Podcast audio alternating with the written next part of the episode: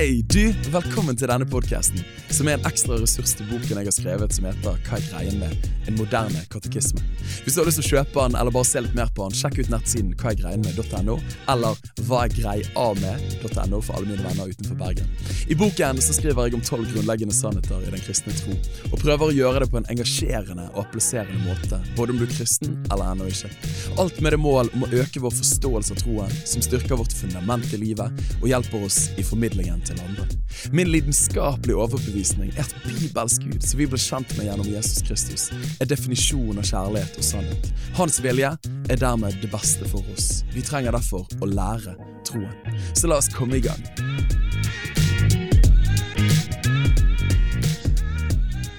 Og for å oppleve seg verdifull, så er det to ting mennesker må ha en viss porsjon av. Og det er en opplevelse av å være ubetinget elsket. Ja. Altså elsket i deg sjøl, uansett hva du driver med og gjør. Og du må ha en viss porsjon med betydningsfullhet. Det må bety noe i denne verden at du eksisterer.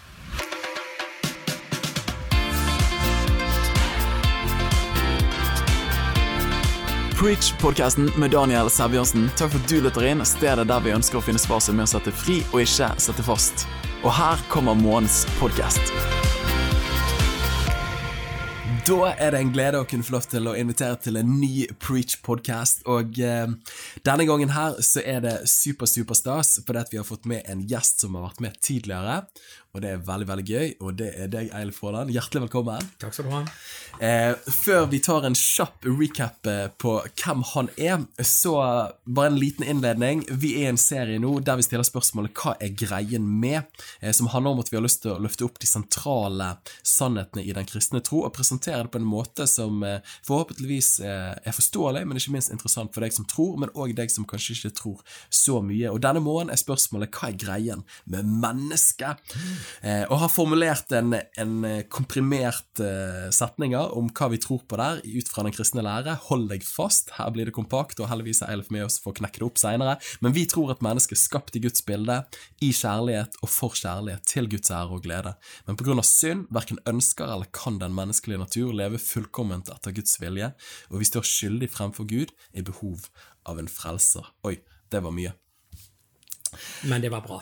Men det var takk, Eiland. Ja, det var bra. Ja, Takk. Dette, dette skal jo du være med å knekke opp for oss eh, Ja. nå snart. Riktig. Eh, og eh, du trenger ikke en veldig lang introduksjon, for du, du var faktisk den første gjesten vi hadde med på podkasten. Og det var en veldig fin opplevelse. Det Ja. gledet meg over det der. Du, så, og tilbakemeldingen må jeg si har vært veldig god på den første podkasten. Så kjekt. å. Eh, på mange av de andre òg, men, men den var veldig bra. Eh, men bare en kjapp eh, repetisjon, da. Eh, vil du bare si noe om hvem du er, hvor gammel Jeg er en barn? enkel bergenser, beskjeden som bergenserne flest. Nja! Ja, eh, men eh, jeg er gift med verdens flotteste dame. Vi har vært gift i 48 år, har fem gutter. Marit heter hun, sykepleier. Vi fant hverandre på Haukeland sykehus. Nesten klassisk do doktor sykepleierromanse, men ikke helt. Ja. Men i alle fall. Um, og og um, jeg har jobbet som, som spesialist i allmennmedisin og idrettsmedisin i mange mange, mange år i Bergen, og jeg er praktisk talt helt pensjonist. Hjelper de litt av og til. Men det viktigste jeg gjør, det er at jeg har drevet Marit og meg har drevet hjertefokusarbeid som en del av Ungdom i oppdrag, Ja. eh, som er eh, mye sjelesorg og mye eh, kan si, undervisning om personlighetsutvikling i et psykologisk bibelsk lys. Ja. Og det har vært en utrolig flott å reise gjennom 32 år. Har dere ledet arbeid i 32 år? 32 år. Det vil si, jeg har ikke ledet arbeid i 32 år, men vi har vært Involvert? Ja. Ja, vi ga fra oss roret i, for fire år siden, så det var Men er dere fortsatt involvert? Ja, vi er seniorrådgivere da. på en Ok. måte. Ja. Så har dere noen kurs i løpet av året? Vi har tre-fire kurs i året. Ja. Og Så det er ikke, det er ikke, årene er ikke helt rukket inn, for å si det nei, sånn? de er jo ikke det. Jeg må jo med glede konstatere det, da. Ja, så bra. Har du noe oversikt på Altså, Hjertefokus har jo et veldig godt ry i Kristen-Norge. Eh, Det har betydd mye for mange. Alt fra kristenledere eh, Jeg har ikke tall på hvor mange kristenledere man har møtt som har fortalt om at Hjertefokus har betydd mye for deres indre reise og vandring. Ja. Eh, Men òg til den vanlige troende person. Hvor mange vil du anslå har vært gjennom Hjertefokus? Ja, vi anslår at ca. 6000 har vært gjennom det. Og da vet vi sånn rent statistisk sett at da har vi på en måte fått uh, influert uh, ca. 25 000 mennesker. Ja. Uh, gjennom indirekte, direkte og indirekte. Ja. Så det har vært veldig, veldig flott. Det er sterkt, altså. Det er så fint. Så dette, hvis ikke du har vært på Hjertefokus eller kjenner til det, så gå inn, søk opp Hjertefokus, eh, og da er det virkelig en investering for livet. Vi må jo si at jeg og Helene, eh, istedenfor å ta ekteskapskurs når vi var nygift, eh, 16.4.2016, så ble det anbefalt av dere, men òg flere, og kjøre Hjertefokus som introduksjon til vårt samliv. Da.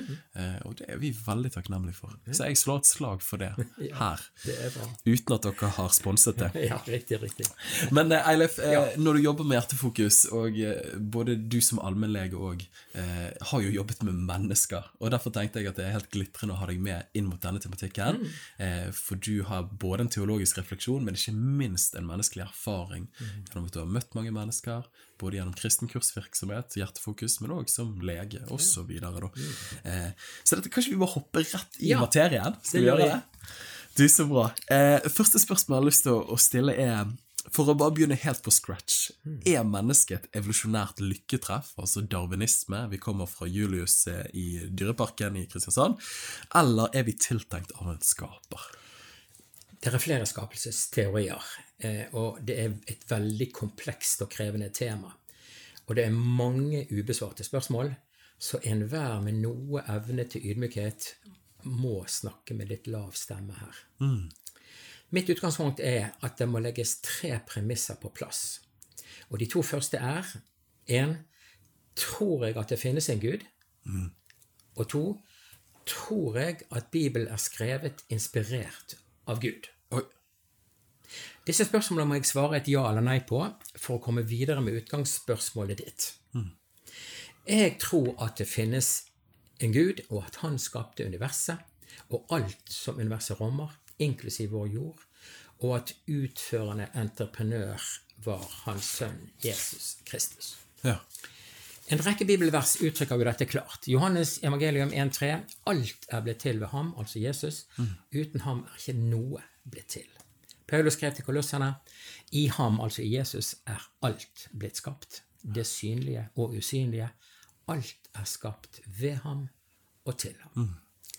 Videre tror jeg at Bibelen er skrevet inspirert av Gud, uten at alt nødvendigvis er ordrett diktert av ham, men uttrykk for den aktuelle skribentens opplevelse og forståelse Ja. av Gud.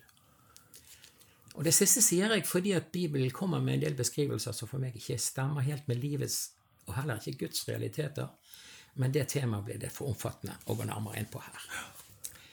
Det tredje premisset som jeg syns må på plass, eh, og som jeg, som jeg legger ut ifra min naturvitenskapelige utdannelse og praksis, eh, så, og som jeg er overbevist om, er dette. Av intet kan intet oppstå. Ja, det gir mening. Så ja, jeg tror på en Gud som aktivt skapte på en rasjonell måte, og at mennesket ikke er et evolusjonært lykketreff. Ja. Bibelen fortalt, forteller oss at han skapte verden ved å tale ting til eksistens. Salme 33,9 sier han, altså Gud, talte, og det skjedde. Han befalte, og det sto der. Samtidig synes jeg at det er rom for å forstå og tolke Bibels skapelsesberetning at det har skjedd en, evol en evolusjonær prosess fra det enkle til det komplekse, og at angivelsen om at Gud skapte alt på seks dager, også kan, må forstås i lyset fra bibelverset i 2. Peters brev kapittel 3 vers 8, hvor det står at for Herren er én dag som tusen år, og tusen år som én dag. Gud står over tid og rom. Ja, veldig godt poeng. Når det gjelder menneskets opphav, synes jeg at det er interessant at i motsetning til alt annet som Gud skapte, så talte han ikke mennesket frem, men brukte allerede skapte og iboende kvaliteter som verktøy. Det står i første Mosebok at han formet mennesket av støv fra jorden og blåste sin livsånde inn i nesen på det, og mennesket ble en levende skapning. Eller som det heter i andre bibeloversettelser, en levende sjel.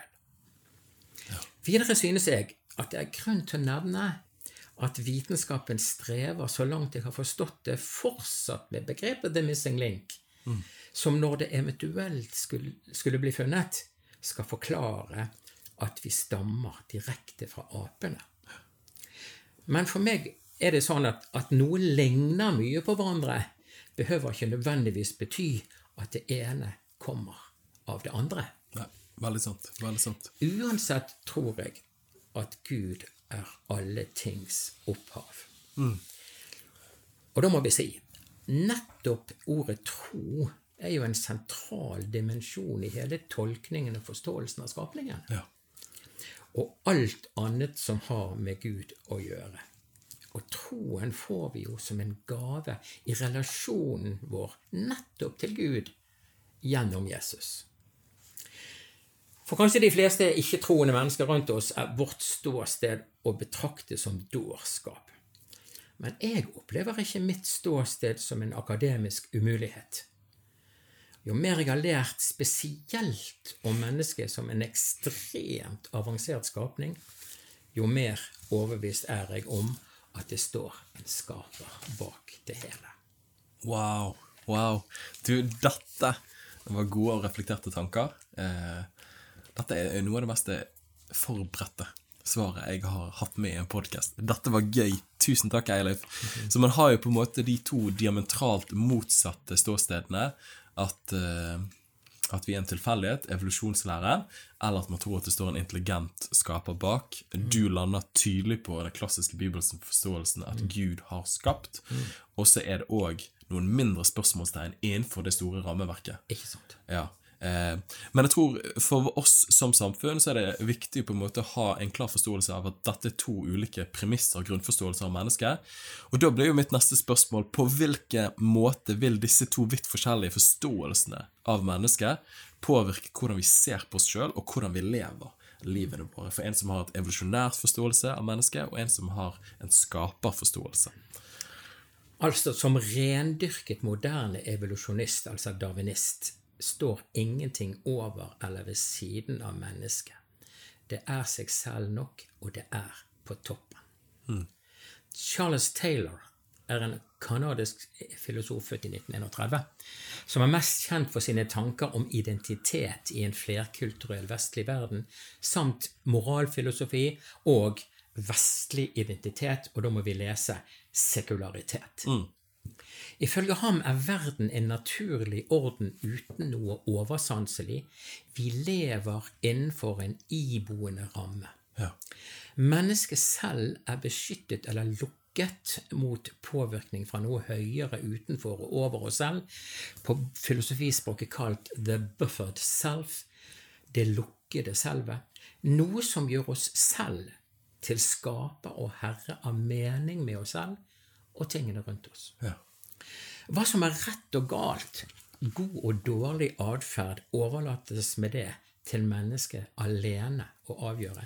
Det er skummelt.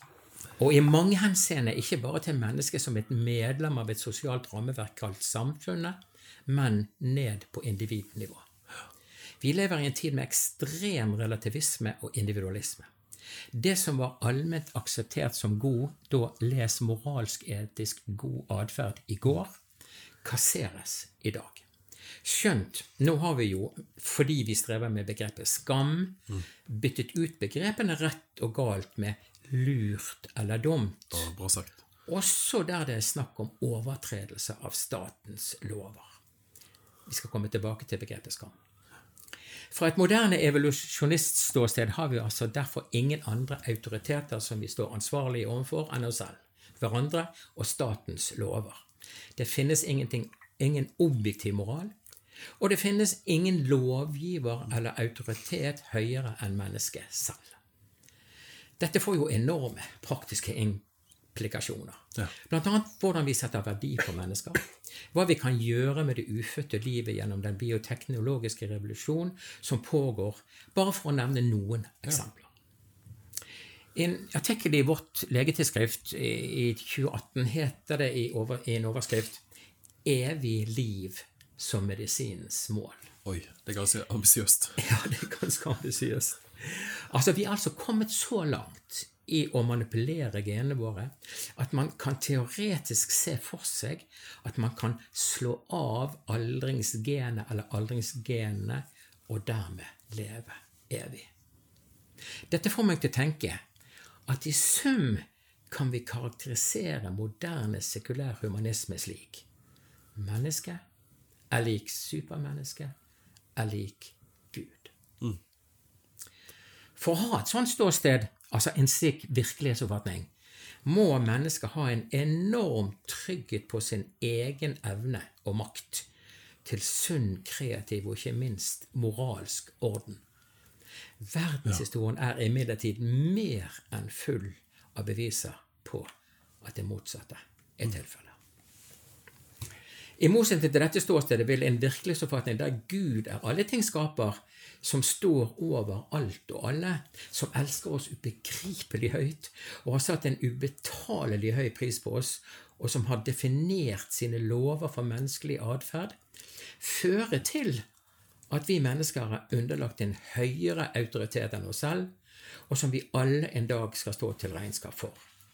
Det at du skal f.eks. ikke skal lyve, baktale osv., er ikke dumt gjort av deg. Det er med få unntak galt. Ja. I går, i dag og i morgen. Vi snakker altså her om absolutter fra Guds side. Ja, veldig, veldig gode refleksjoner der. Eh, Vi hadde tidligere et preach der vi snakket om eh, eh, moderne myter. Og det er morsomt du tar opp Charles Taylor, men da lente vi oss mye på han og snakker om at det immanente selv Ja. Eh, har jo ingen ytre instanser for autoritet og begrensninger. Nei. Som gjør da at egentlig så finnes det no, ikke noen grenser på hva mennesker kan gjøre. Da er det sosialdarwinisme, den sterkestes rett. Og hvis teknologien kan gjøre det, Mm. Ja. så er det ingen etikk som begrenser det. det? Eh, åh, jeg, bare, jeg tror ingen, selv om man tror mye, eh, selv om man tror lite, eh, og ikke anser seg som kristen, så hvis du tar den refleksjonen ut, så bør det skremme deg. Ja. Eh, for det kan skape noen helt absurde og Ja. skrekkelige samfunn. Ja. Og vi har jo sett antydning til noen fremtidige scenarioer som gjør at jeg Ja, jeg tenker faktisk med det, Dette er ganske skummelt, altså, på en måte. Ja, det er det. Ja, det vi driver med. Ja. Og, og dette kan jo utnyttes av diverse krefter også, så det kan jo ta helt veier som vi kan miste fullstendig kontroll over ting og tang. Ja, det er jo sånn worst case scenario. Ja, det er det. Eh, men så klart, mennesker har opp gjennom historien Nå skal ikke være pessimister, men de har nok klart opp gjennom historien å, å skape noen worst case-scenarioer. Det. Er det en Det- det mulighet, ja. så er det ofte en tilbøyelighet. Ja. Men du, eh, det er ikke helt den gaten vi skal bevege oss ned i. Eh, Men ok, man har forskjellig forståelse, enten evolusjonært eller Gud som skaper. Det påvirker måten vi lever livene våre på, sånn som du har lagt ut så eminent nå. Eh, Og da For å, å peile oss litt inn på den kristne forståelsen av mennesket, eh, som er vårt verdigrunnlag eh, Når vi kristne sier at mennesket er skapt i Guds bilde, som kristne har sagt gjennom årtusener, altså vært med å prege det vestlige samfunnet, eh, hva betyr det egentlig? Ja, altså For meg betyr det å være skapt i Guds bilde at mennesket har mange iboende egenskaper lik Guds egenskaper, men uten å være Gud. Ja, Det var en god definisjon. Ja. Ja. Vi kan skape av noe. Vi kan tenke, vi kan mene, vi kan føle, vi kan velge, bare for å nevne noen få av Guds egenskaper.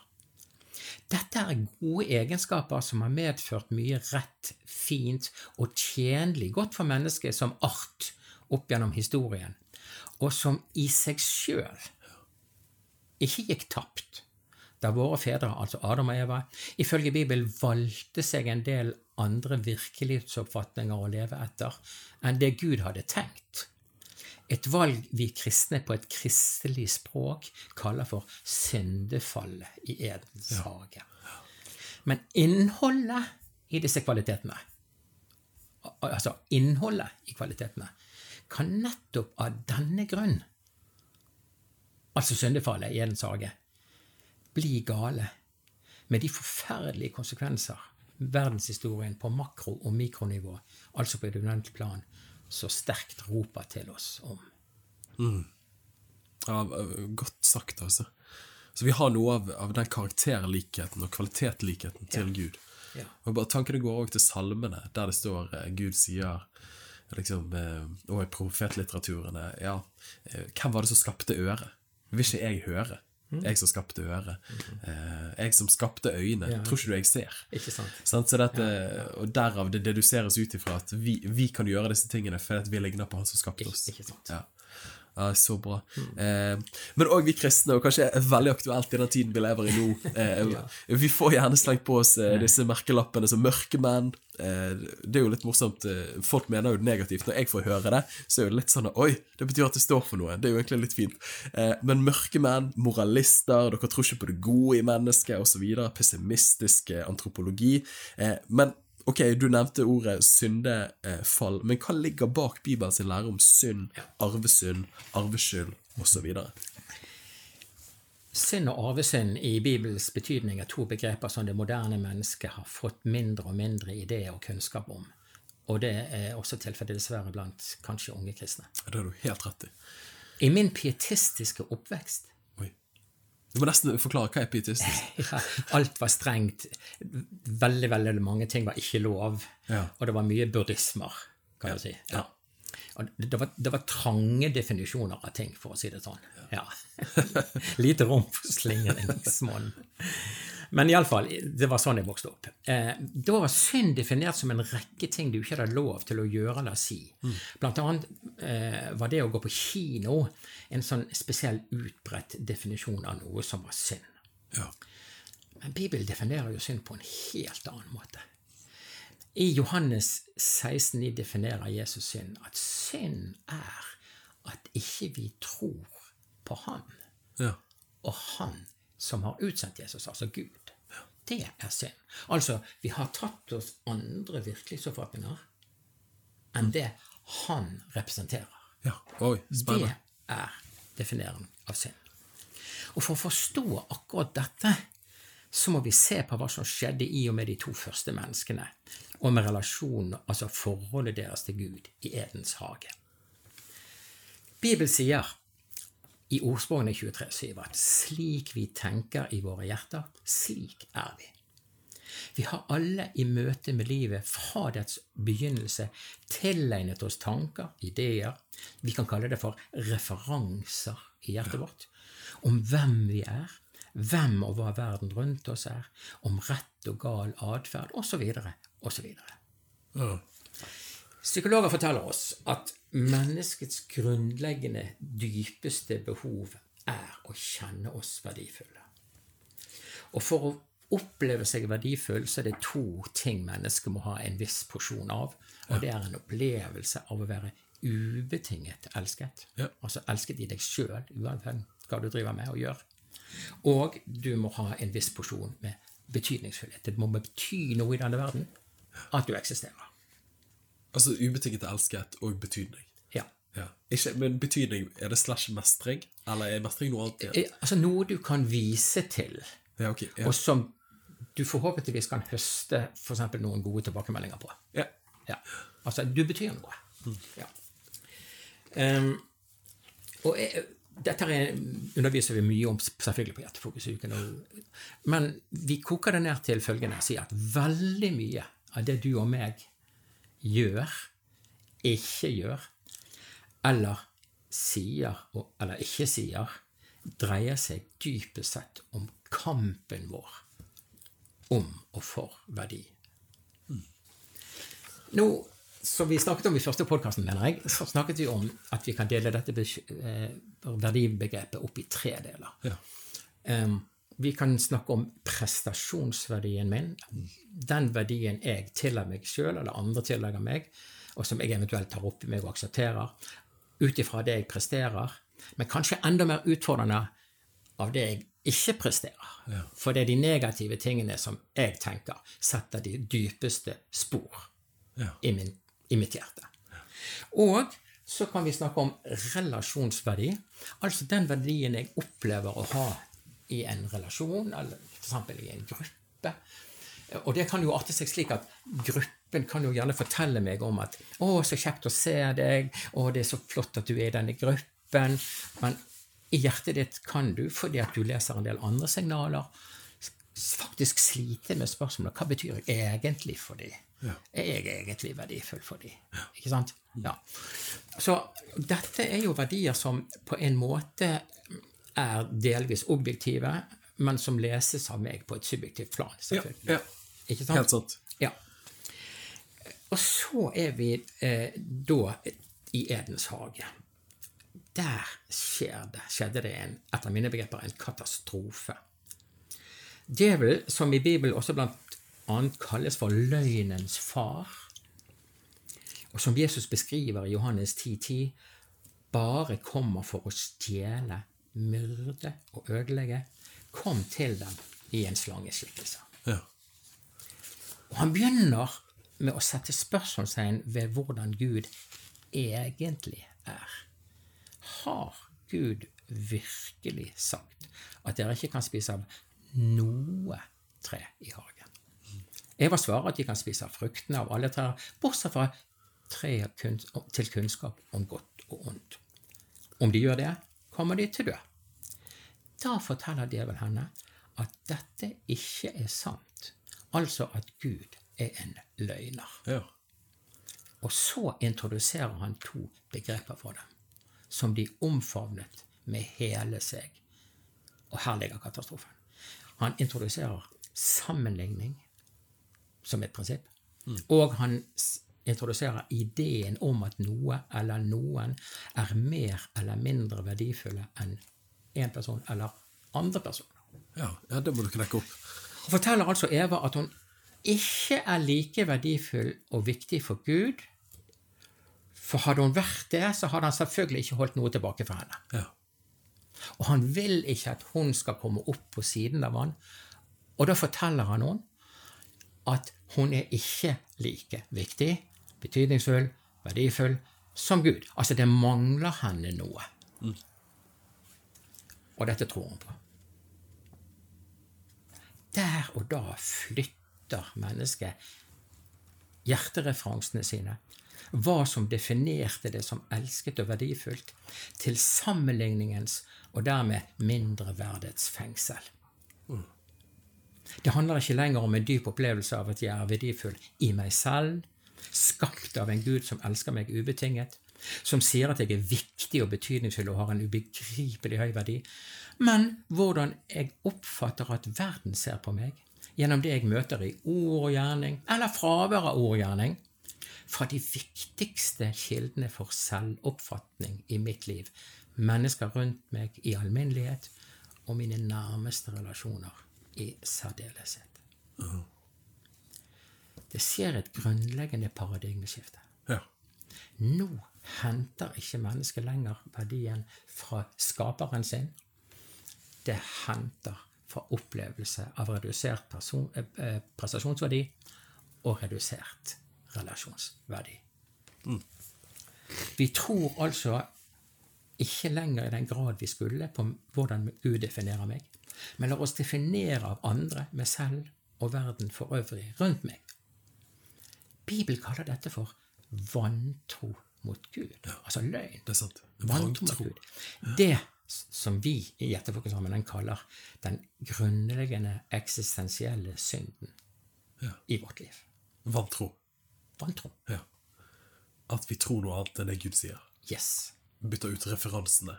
Jeg synes det var et fint begrep. Hjertereferanse. Ikke sant? Og nå snakker vi om meg som eksistensielt vesen. Ja.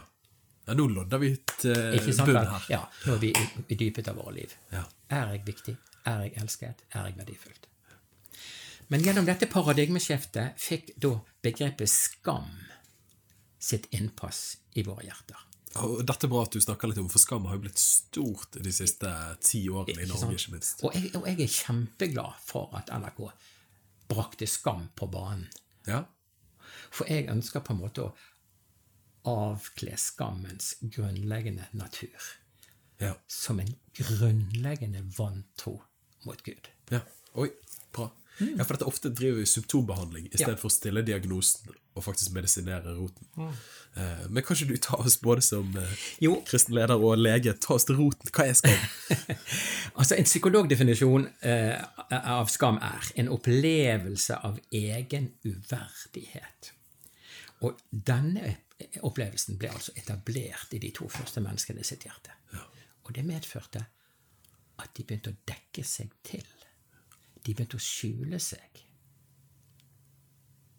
Og skam kommer fra tysk, som betyr å skjule sitt ansikt. Er det sant? Oi. Oi. Det er veldig interessant at Bibelen forteller oss at denne mest grunnleggende negative eksistensielle egenskapen hos mennesket ikke var til stede før det valgte seg andre referanser i hjertet, noe som medførte at de levde nakne liv hvor de 100% kunne være seg selv med absolutt trygghet. Dette skiftet av disse referansene har fått enorme negative konsekvenser for menneskelig atferd. Vi unnskylder oss, prøver å plassere skyld hos den andre for å bevare vårt ansikt. Vi overdriver for å gjøre oss mer betydningsfulle enn vi egentlig er. Vi blir bitre, tar hevn, mobber, trøstespiser, drives til selvskading fordi det er smertefullt ikke å være verdifull eller verdifull nok, osv., osv. Wow. wow. Fordi vårt liv formes prinsipielt mest i relasjonene våre, går altså disse referansene derfor i arv, som mor så datter, Ja. så far så sønn, er jo ordtak som vi kjenner. Ja. Paulus beskriver disse tankene som menneskene da valgte å ta, slik i Romerne 1,21. Med sine tanker endte de i tomhet, og deres uforstandige hjerter ble formørket. Og videre, de byttet ut Guds sannhet med løgn, ja. Det er sterke ord. Det er sterke ord. og tilba og dyrket det skapte i stedet for skaperen. Og dette opplever jeg er en knivskarp beskrivelse av ateistisk humanisme. Å dyrke det skapte istedenfor skaperen. Ja, spot. I Johannes 7 snakker Jesus om menneskets indre, på gresk kalt det tomme rommet. Jeg tenker at rommet ikke er tomt, men blir av Jesus sett på som tomt fordi det inneholder alle mine negative tanker, skamtankene mine. Altså de tankene der hjertet mitt definerer meg som mindre verdifull, elsket og betydningsfull enn hva Jesus sier om meg. Og så kommer jo det til skumle, da. Ja. Alle har et tomt rom i hjertet. Ingen av oss slipper unna. Dette tomme rommet har vi ervervet oss i møte med de utfordrende sidene av livet. Ja. Dette rommet er løgnens rom fordi det sier noe annet om meg enn Gud sier om meg. Og det er, som vi nettopp nevnte, også et smertens rom. Vi er blitt våre egne verste fiender. ja. Wow. Så dette Jeg har jo kjent deg, Ellef, gjennom flere år, og vi har snakket om dette begrepet tomrommet. Eh, Men det er så utrolig beskrivende. Og jeg tror det er ikke et primært et teologisk ord, men det er mer et menneskelig gjenkjennbart ord. Ja. At vi alle kjenner at det er et vakuum, det er et tomrom, det er noe på innsiden som roper etter sannhet, etter hjem. Og jeg syns det var bra det du sa, at, tomrommet er løgnens rom. Det er de stedene i våre liv der synd fortsatt rår grønn, og der vi tror referanser som ikke Gud sier. da. Akkurat. Og da høster vi frukt. det, det er flott. Du har jo tatt det. Ja, men så bra, så bra. Jeg har jo hengt med deg noen år, så bør jo, det bør jo sitte etter hvert. Men disse, jeg synes det også når du konkretiserte det, at disse tomrommene det resulterer seg i alle slags mulige destruktive atferder. Noen mer synlige enn andre. Er det bare en følge av smertene vi har, så vi agerer, reagerer ut ifra det? Ja, altså, en, når vi går med, rundt med en opplevelse av å ikke være verdifull eller verdifull nok, eller i hvert fall ikke helt sikker på det, så, så det, oppleves det smertefullt. Ja. Og, og psykologer, etter det jeg har lest, har funnet ut at mennesket som art bruker jo 78% av sin indre mentale energi til å ta hånd om og behandle smertene i sitt liv. Som bare smertebehandling, liksom. ja. Ikke sant? Som en ledd i det også. altså, Fordi at kan jeg skaffe meg litt verdi, så demper det litt av min indre smerte. Oh. Dette er bra. Preach. Yes. Oh. Så ja um, Men øh, vi, vi, vi kan jo ikke Dette er jo på en måte en ramsalt diagnose av mennesket. Eh, så vi er nødt til eh, Og noen har sagt det sånn eh, Det kristne diagnosen på mennesket er liksom Han er for dyster, forståelsen deres. Men da pleier jeg å si Vil ikke du heller ha en sann diagnose, så du kan få den riktige medisinen? Ja, altså sånn? jeg tenker på at hvis, at hvis du etter gammel bruk med kart og kompass skal finne frem i, i, i høyfjellet, så, så kan du ha et kjempegodt kompass og du kan ha et oppdatert kart. Men du må vite hvor du befinner deg, skal du finne veien. Å, det er et kjempebilde. Og det er, jo, det er jo sånn Gud begynner jobben sin med å vinne oss tilbake, når han stiller menneskene to grunnleggende spørsmål. Hvem har fortalt deg eller hvor er du, Adam? Det er sånn han vil. Hvor er du, Adam? Ja. Men han visste godt at han lå bak busken og gjemte seg for Gud. Men han ville at menneskene skulle sjøl besvare dette spørsmålet. Vi må vite hvem er vi, hva rører seg inni oss, hvorfor har vi det slik? Og hvorfor vi har det slik, ligger jo i Guds andre spørsmål, som han stiller da mennesket. Han kjefter ikke på det for at de har brutt hans lov, eller noen ting. Han bare stiller de et spørsmål nummer to. Hvem har fortalt deg? Og vi har alle en livshistorie, og vi er blitt alle fortalt ting. Vi har iallfall tolket en masse greier som vi da har respondert på. Hjertet har sine, fått sine ideer.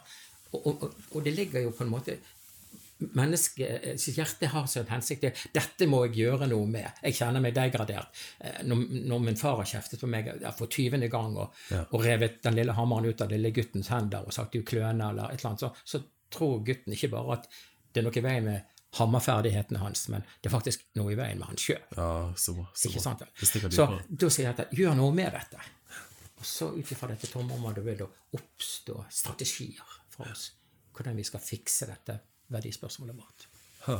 Altså, rett og slett destruktive mestringsteknikker. Ja, det er for, Ofte. i mange henseender så får det jo destruktive, men selvfølgelig Det at man ønsker å bli god i en ferdighet, f.eks., det er jo i seg sjøl en god ting. Ja. Men bruker jeg det som verdimarkør for meg, så er jeg på litt tyngre is. For jeg kan være god til en ting i dag, men det er ikke sikkert jeg kan være god til den samme tingen i morgen. Ja. Så risky business. ja, ja, virkelig. Og der er vi tilbake til prestasjonsverdi, Ja. relasjonsverdi, Ja. eller finnes det en konstant egenverdi? Eh, men eh, da må jeg bare Dette har ikke vi planlagt et spørsmål, men, men når du beskriver det du beskriver, så kan jeg få inntrykk av at, at vi mennesker Hvis det er én ting vi ikke tåler veldig bra, så er det smerte. Stemmer det? At vi på en måte vi, vi prøver å håndtere smerte Ja, altså- med en gang. Verden altså Er det noe mennesker gjør, så er det jo å behandle smerte. Man kan jo se på statistikken i Norsk Medisinaldepot og se hvor mye dags, døgndoser av smertestillende medikamenter vi bruker. Det er enorme mengder som mennesker bruker. Eh, og, og det, Vi snakker da ikke bare om en smerte etter en operasjon pga. et operasjonsarr, men vi snakker jo veldig mye om den indre smerten vår Ja. fordi at som allmennlege, så når jeg begynte i jobb som allmennlege, så snakket vi om at ca. 5% av pasientene i en allmennpopulasjon populasjon hadde det vi kaller for psykosomatiske sykdommer. Altså sykdommer pga. uløste indre ting. Nå snakker vi om 30-40-50% altså så mye som er psykosomatikk. Og det handler om indre smerte. Ja. ja, veldig interessant. Husker, jeg jeg tror du brukte eksempelet en gang. Du har forretningsmann som jobber en travel uke, og så kommer han hjem på fredagen, vondt i hodet, og da er det å drikke noe sterkt. Eh, hvorfor det? Jo, fordi da begynner ting å melde seg, men da må jeg eh, smertebehandle det. Eh, da må jeg bli kvitt disse tingene. For dette, men ofte er jo, og det har jo du lært meg, men også flere, at ofte finnes jo noe av svaret når man er villig til å lytte til smerten. Ja, det det. Så at, hvor er du? Ja. Hvem har fortalt deg det? Ja. Du må en tydelig erkjennelse til før det kan finne sted en helbredelse. Ja.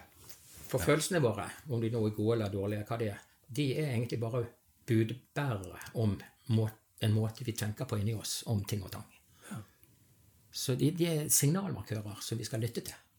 Veldig bra. Tanker, Ikke følelser, nødvendigvis handlinger. leve etter. Godt poeng. Godt poeng. Du, vi, vi kan ikke lande på en trist plass her. Eh, men finnes det håp for oss mennesker i møte med søen, tomrommet, som vi kjenner på i livet våre? Bibelen sier at alle mennesker en gang skal gjøre regnskap for Gud for våre liv. Et sivilisert samfunn kan ikke eksistere uten lov og regler, er og at dette får konsekvenser dersom vi bryter disse, eksemplifisert ved avstraffelse etter kriminell lavalder er nådd. Ja. Men Bibelen sier så mye mer.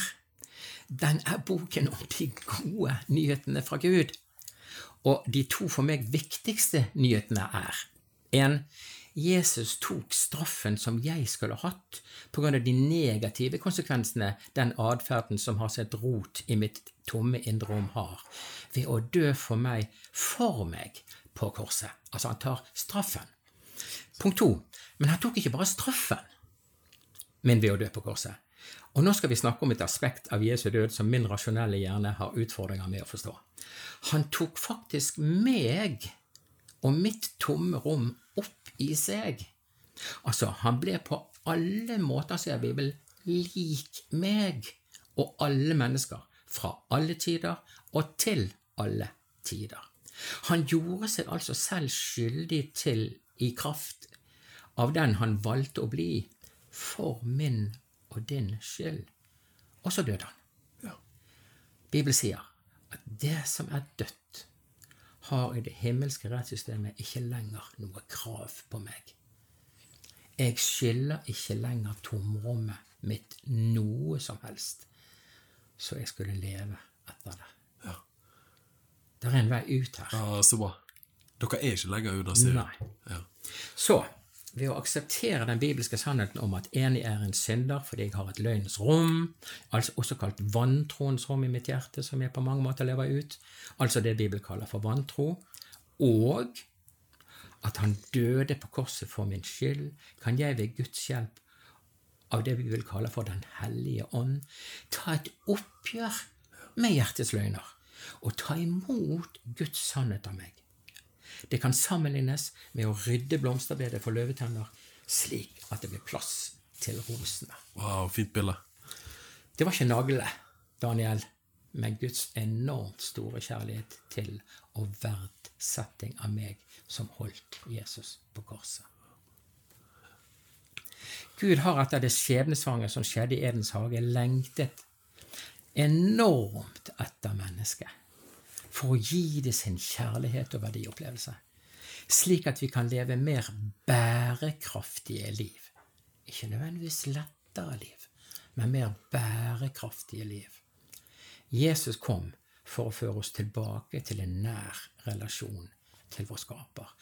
Og det er i den nære relasjonen til Gud at mitt sanne liv, sånn som Gud hadde tenkt, blir formet.